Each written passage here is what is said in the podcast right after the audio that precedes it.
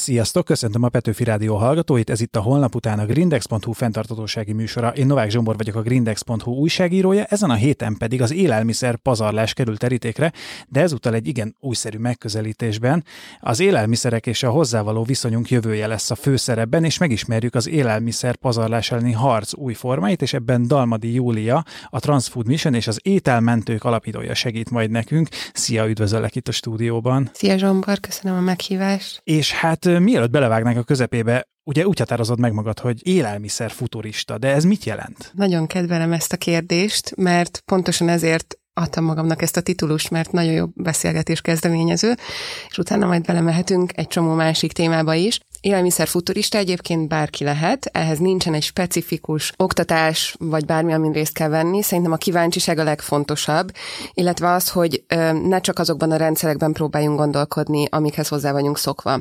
Tehát például erre szoktam azt mondani, hogy élelmiszert fejleszteni nem feltétlenül csak egy élelmiszeripari mérnök tud, hiszen egy séfnek is van hasonló tudása, és egyébként más iparágakban is vannak olyan technológiák, aminek a megoldásait lehet, hogy az élelmiszeripar át tudná venni, és azzal megoldást találni egy éppen aktuális problémára. Szóval futurisztikus az, amikor elkezdünk valamilyen fejlődésre, egy trendet figyelni, és elemezni azt, hogy az milyen hatással lesz arra, hogy mi étkezünk. Legutóbb például egy nagyobb autó márka hozott össze 60 embert a világ körül, ezek között voltam én is, teljesen különböző területekről, hogy arról ötleteljünk, hogyan fogunk élni 2050 után. És ugye ennek szerves része az étkezés, az élelmiszeripar, hiszen ahhoz mindenkinek legalább egy kötődése van fogyasztáson, az evésen keresztül és meglepődnénk, hogy mennyire ö, erős véleménye is van az élelmiszerekről mindenkinek, hiszen ez nem csak a tápanyagokról szól, ez nem csak arról szól, hogy finom-e az, amit eszünk, vagy nem. Ez nagyon sok élmény, nagyon sok kulturális ö, pont van ebbe benne, és az élelmiszer futuristáskodás talán arról is szól, hogy az összes ilyen elemet figyelembe vegyük, hogy mi határozza meg azt, hogy hogyan étkezünk, hogy mi kerül az asztalunkra, hogy az hogyan került előállításra, és hogy egyébként hogyan váljon transzparensé ez az egész rendszer, mert szerintem továbbra is úgy gondolom az élelmiszeripar és az élelmiszerrendszer az egy labirintus, amivel még én is keresem a a megfelelő utat. Jó, hogy mondod ezt, hogy kulturális kérdés, mert nekem is ez ugrott be, hogy igazából nagyon sok dolog meghatároz engem, de például az is, hogy mit eszem, mik a kedvenc ételeim, akár azért, mert gyerekkoromban kötöttem hozzá, vagy így nőttem fel, és hát ugye pont a klímaváltozás kapcsán beszélünk sokszor arról, hogy bizonyos élelmiszerek el fognak tűnni, megváltoznak, nem lesznek úgy elérhetőek, és hogy ehhez el kell kezdenünk valószínűleg adaptálódni. Így van, mindenkiben van egyébként egy élelmiszer futurista, csak még lehet, hogy alszik.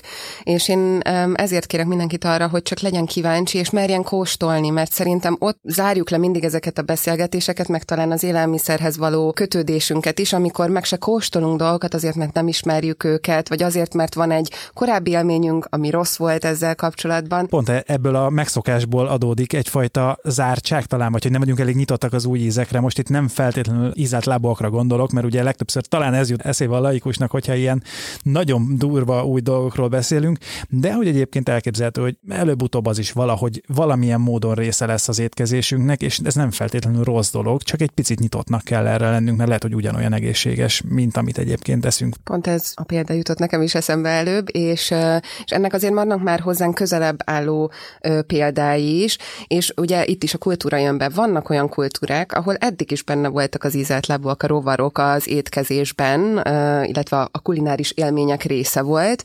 Én 2018-ban kóstoltam elő először tücsköt megsózva és kiszárítva, és őszintén szólva, ha elém raknánk egy kocsmában, valószínűleg elfogyasztanám a söröm mellé, nem biztos, hogy megvenném direktbe a polcról, tehát hogy nekem is vannak azért még olyan változások az étkezésemben, ami lehet, hogy kicsit lassabban megy át, de ami nekem nagyon érdekes volt, hogy nemrég középiskolásokat mentoráltam egy, egy program keretein belül, és ők például pontosan azon dolgoznak, hogy hogyan lehetne automatizált tücsök farmokat vagy rovarfarmokat alapanyagokat létrehozni, és ott nem feltétlenül humán fogyasztásra alkalmas alapanyagként kerülne ez, ez lehetne amúgy állati takarmányként is, és ugye itt jövünk bele az élelmiszerrendszer sokkal mélyebb bugyraiba, ahol tudjuk azt, hogy nagyon sok olyan dolgot termelünk meg jelenleg a világon, ami utána nem is az emberek tányérjára kerül, hanem mondjuk a mezőgazdaság részévé válik állati takarmányként, szóval nagyon sok fehérje, például növényi fehérje így kerül ugye,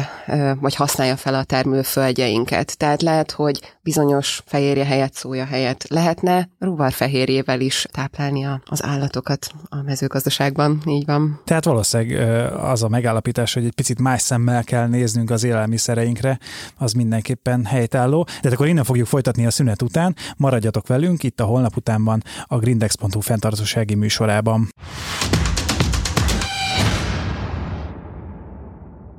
Folytatjuk a holnap után. A grindex.hu fenntartatósági műsorát itt a Petőfi Rádion, a mai vendégem pedig Dalmadi Júlia, élelmiszer futurista, és hát az előző blogban ott hagytuk abba, hogy egy kicsit más szemmel kell tekintenünk az élelmiszereinkre, de hogy bennem felmerül a kérdés, hogy miért, mi a baj az élelmiszereinkkel, mi az, amin változtatnunk kell? Én 2018-ban kezdtem elmerülni, vagy talán jobban megismerni az egész élelmiszerrendszert, mert szerintem annyira nem egy nyitott könyv előttünk azt, hogy hogyan is készülnek az élelmiszerek, hogyan utaznak a világ körül mindenfelé, és hiszem azt, hogy például a globalizációnak nagyon-nagyon pozitív hatásai is voltak, csak pontosan ezért egyszerűen nem is követhető már annyira, hogy, hogy hogyan táplálkozunk.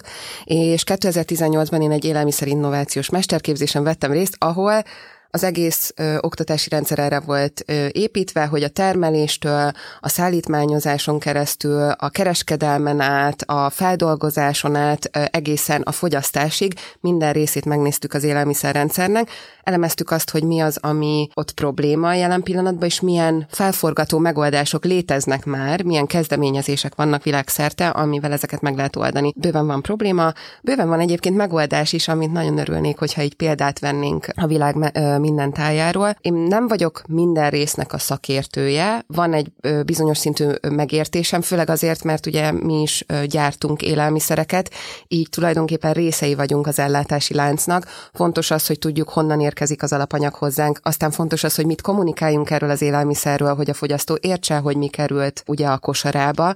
És én talán, amit a legnagyobb problémának látok, az, az tényleg a transzparencia és az átláthatóság hiánya. Hogyan várjuk el egy fogyasztótól, hogy jó döntést tudjon egy szupermarketben hozni, amikor általában kettő faktor határozza meg a döntését, az egyik az ár, a másik pedig a csomagolás. Mert hogy ez az, ami mindegyik termékről elérhető. A több információ nincsen kiírva. Ezért például kifejezetten örülök azoknak a kezdeményezéseknek, ahol már legalább megmutatják, hogy honnan származik, milyen országból érkezett az a, a termék. Vagy van egy német szupermarket lánc, aki elkezdett, elkezdte azt is feltüntetni, hogy mi az igazi ára a terméknek, mi az, amit mi fizetünk a kasszánál, és mi az, amibe kerülne, hogyha fizetnénk azért is, hogy mennyi víz van felhasználva az előállításához, milyen lábnyoma van annak a terméknek, milyen szociális hatása van ennek a terméknek, mert hogy nagyon sok olyan árat fizetünk az élelmiszerek előállításáért, amiről mi fogyasztók nem is tudunk.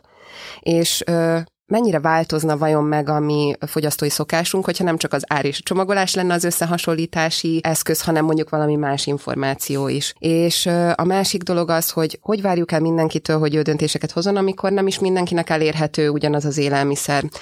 Van egy ilyen képlet, amit az egyik projektem során raktunk össze, hogy az élelmiszer elérhetősége az nem csak fizikális elérhetőséget, illetve a, a pénzbeli, tehát hogy megengedhetjük magunknak, hanem mondjuk az elfogadottságát is jelenti egy élelmiszernek. Tehát vannak olyan országok, ahol a nyugati ö, diéta, vagy a nyugati étkezés egy bizonyos státuszszimbólumot jelent, és azért hozunk meg nagyon is feldolgozott élelmiszerek iránti döntéseket, mert azt hiszük, hogy azzal mi valamilyen státuszt ö, kapunk. És fordítva, ugye, amiről az előbb beszéltünk, a rovarok fogyasztása, ami meg pont, hogy a fordítottja ennek, mert hogy ugye státuszunk alatti, vagy legalábbis a teljesen a kulturális beidegződéseinktől távoli. Így van. Én nagyon sokszor hozom fel azt a példát, példát, hogy a szüleim egy kisvárosban élnek Magyarországon, és nagyon sokszor fordult az elő, hogy hazajöttem pár napra, és kritizáltam, hogy mi volt a, a hűtőben. Na persze nem úgy, hogy ez miért van, az miért van, de hogy nem lehetne, hogy inkább valami mást, vagy csomagolásmentesen, vagy helyi termelőtől, de csak akkor jöttem rá az igazi döntésekre, amikor a pandémia alatt hosszabb időt töltöttem velük, hogy ők azért vásárolták azokat a termékeket, mert számukra az elérhető. Abban a városban, ahol ők élnek, vagy ott a környéken nincsen termelői piac. Ez egy ipari város, tehát nagyon kapcsolatuk sincsen termelőkkel a környéken, tehát az ő, ő hűtőjükbe, a bevásárlókosorokba azok a termékek juthatnak, amíg a szupermarket polcokon elérhetőek. Mindannyian tudjuk, hogy ez más Budapesten és más vidéki városokban. Tehát bizonyos szinten az ő élelmiszerdöntéseik már meg vannak hozva egy szintig mielőtt ők oda kerülnek, hogy egyáltalán kiválogassák ezeket. Egy veled készült interjúban azt mondtad, hogy sokan élnek élelmiszer sivatagokban, és kicsit azt gondolom, hogy valami ilyesmit érthettél ez alatt, ugye? Igen. Én Berlinben voltam egy közösségi szupermarket létrehozásának a, a tagja, és ott egy amerikai példát próbáltunk felhasználni a saját szupermarketünk felépítésére. És nagyon érdekes volt az értékajánlat, mert hogy Berlinben, ott, ahol én lakom például, ott a 150 méteres rádiuszomban van öt különböző élelmiszer élelmiszerbolt, kilépek az ajtón, és tudok élelmiszerhez jutni. Még az Egyesült Államokban nagyon sok olyan hely van, ahol autóval kell utaznia valakinek, vagy akár másfél órát tömegközlekednie azért, hogy ne csak egy ilyen sarki boltba tudjon bemenni, ahol csak is a feldolgozott élelmiszereket találja. Szóval ez az élelmiszer sivatag azt jelenti, hogy tulajdonképpen milyen távol vagy az elérhető pontoktól, ahol te be tudod szerezni az élelmiszert, és nagyon sok ilyen van egyébként körülöttünk is. Tehát Magyarországon is találhatóak ilyen helyek. Hát akkor innen fogjuk folytatni folytatni, és megnézzük azt, hogy eh, milyen problémák vannak még az élelmiszerrel, és hogy mit tehetünk, úgyhogy maradjatok velünk itt a holnap utánnal a grindex.hu fenntartósági műsorával.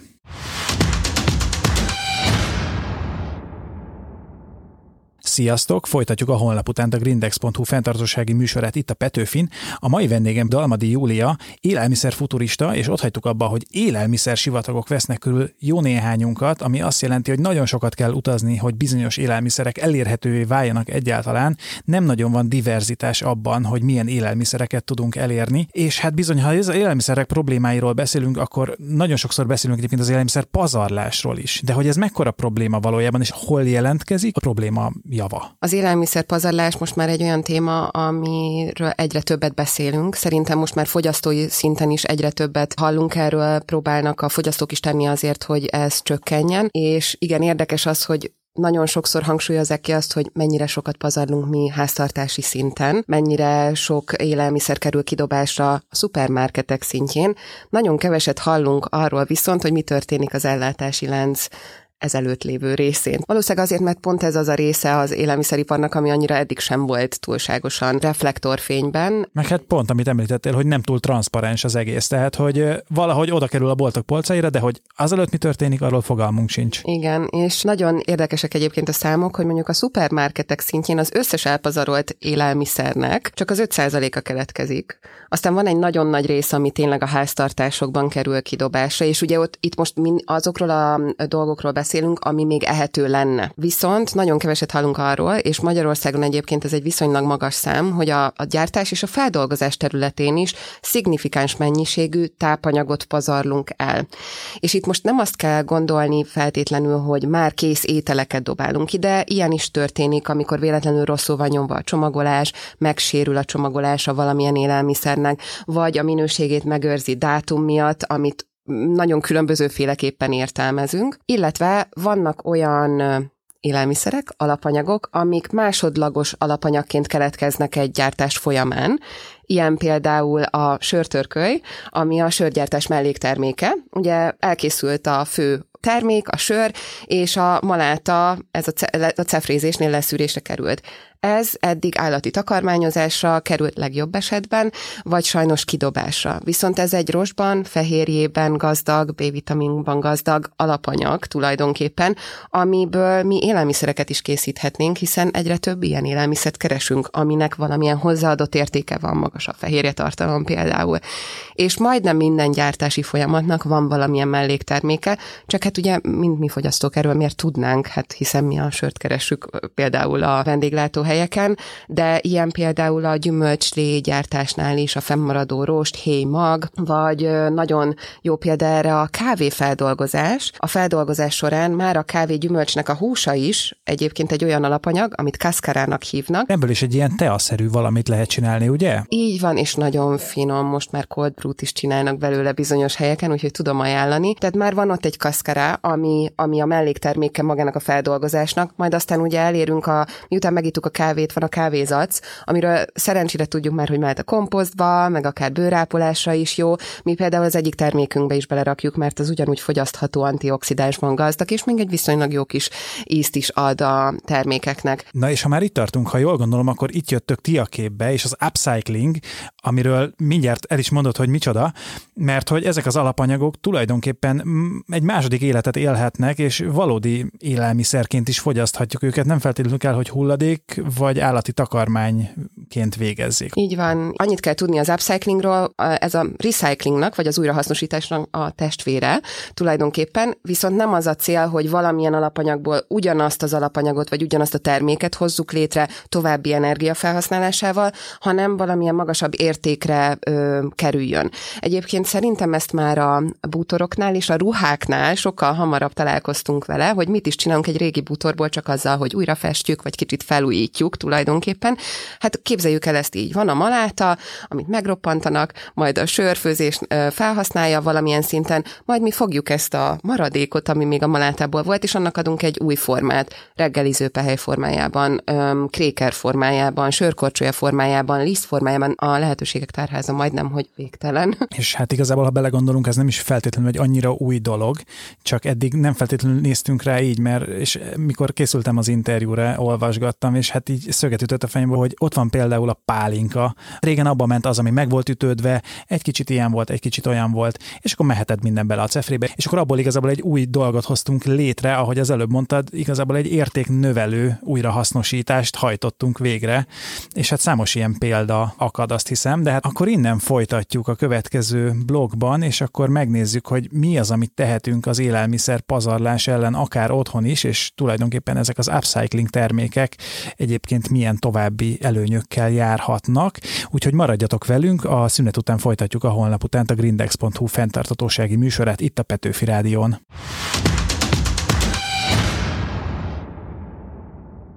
Újra itt vagyunk a holnap utánnal, a grindex.hu fenntartozósági műsorával, a mai vendégem pedig Dalmadi Júlia, élelmiszer futurista, és hát most már megnéztük, hogy mi az az upcycling az élelmiszerek kapcsán, és ugye említettél is két példát, amit ételmentő márkanév alatt ti már forgalmaztok, de hát felmerült bennem, hogy vajon mere tovább, milyen más alapanyagokkal lehet még esetleg ilyen értéknövelő újrahasznosítással új élelmiszereket létrehozni. Én nagyon izgatott vagyok ezzel kapcsolatban, hogyha egy ilyen nagyon hosszú távú célt szeretnék kitűzni, akkor szeretném, hogy ez egy standarddá váljon, hogy amikor egy új élelmiszer tervezünk, akkor belegondolunk abba, hogy milyen alternatív alapanyagot ö, tudnánk benne felhasználni, és mondjuk, ha kitűznénk egy ilyen célt, hogy minden élelmiszernek legalább 10%-a legyen upcycled alapanyag, ami egy másik gyártásnak a mellékterméke volt, azzal egyébként óriási terhet vennénk le a bolygónk válláról, és kevesebb erőforrást használnánk fel ugye az élelmiszerek gyártásához. Úgyhogy mi ezt tűztük ki célul, és azon kívül, hogy van egy márkánk, amivel példát is szerettünk volna mutatni, hogy ilyen termékeket létre lehet hozni.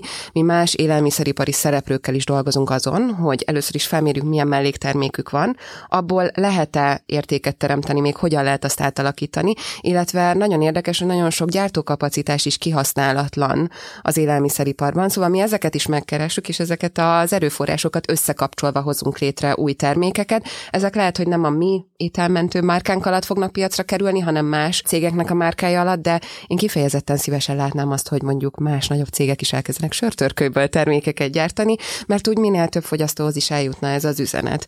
Úgyhogy nagyon sok melléktermék van, nagyon sok olyan része van alapanyagoknak, hozzávalóknak, amiről nem is gondolnánk, hogy ehetőek, de amúgy azok. Melyek lehetnek azok az új, régi új alapanyagok, vagy élelmiszeripari melléktermékek, amelyek először így előtérbe kerülhetnek ilyen szempontból? Én szerencsére egy ilyen nemzetközi élelmiszerekkel foglalkozó fiatal gárdának a része vagyok, szóval nagyon sok inspirációt kapok korábbi diákjaimtól, vagy olyanoktól, akikkel együtt tanultam, úgyhogy mi a honlapunkon próbálunk is megosztani olyan recepteket, amit mondjuk otthon megvalósítható. Nagyon sokszor amúgy a héj, a bizonyos zöldségek zöld részei, mondjuk a répáé, vagy a cékláé, vagy a reteké, amit amúgy levágnánk és kidobnánk. Van, hogy a piacon is megkérdezik tőlem, hogy amúgy ezt levágják-e nekem mielőtt átadják, és mondom, dehogy is, hát abból csodálatos pestót, mártogatóst, mindenféle dolgokat lehet készíteni. Például a nyáron, ami nagyon megy, a görögdínje. Hát ugye mennyi görögdínje hé kerül a kukákba, viszont abból is egy csomó mindent lehet készíteni, és ebből a szempontból nagyon örülök annak,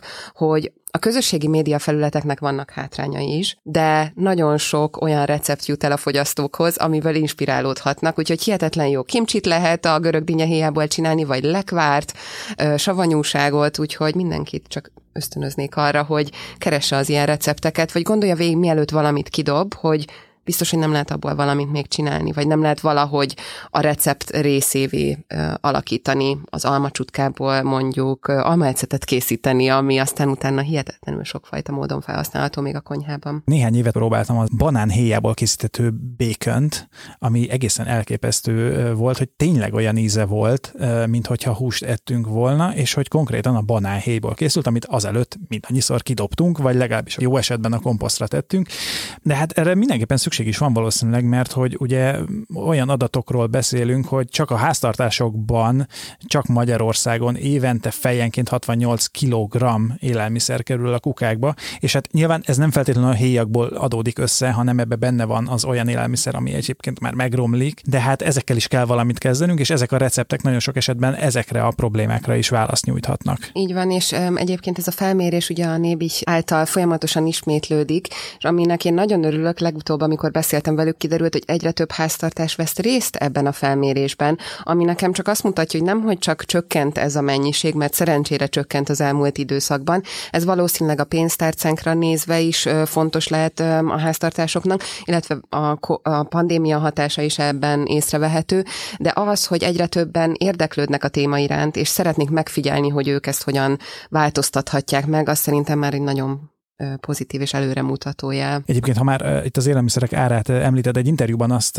olvastam tőled, hogy a szezonális, változatos és teljes értékű étkezésnek nem feltétlenül kell megterhelni a pénztárcánkat. Erre tudok is egy nagyon jó példát mondani. Budapesten elérhető egy ilyen, és nem csak egy zöldségrendelés, tehát hogy szezonális boxokat összeraknak. Én ezt azért szeretem, mert nem nekem kell összeválogatnom az alapanyagokat, hanem valaki már összeválogatott nekem x kiló szezonális zöldséget. Miért fontos ez? Mert annak pont azok a tápértékei vannak, amire abban a szezonban amúgy a testünknek szüksége lenne.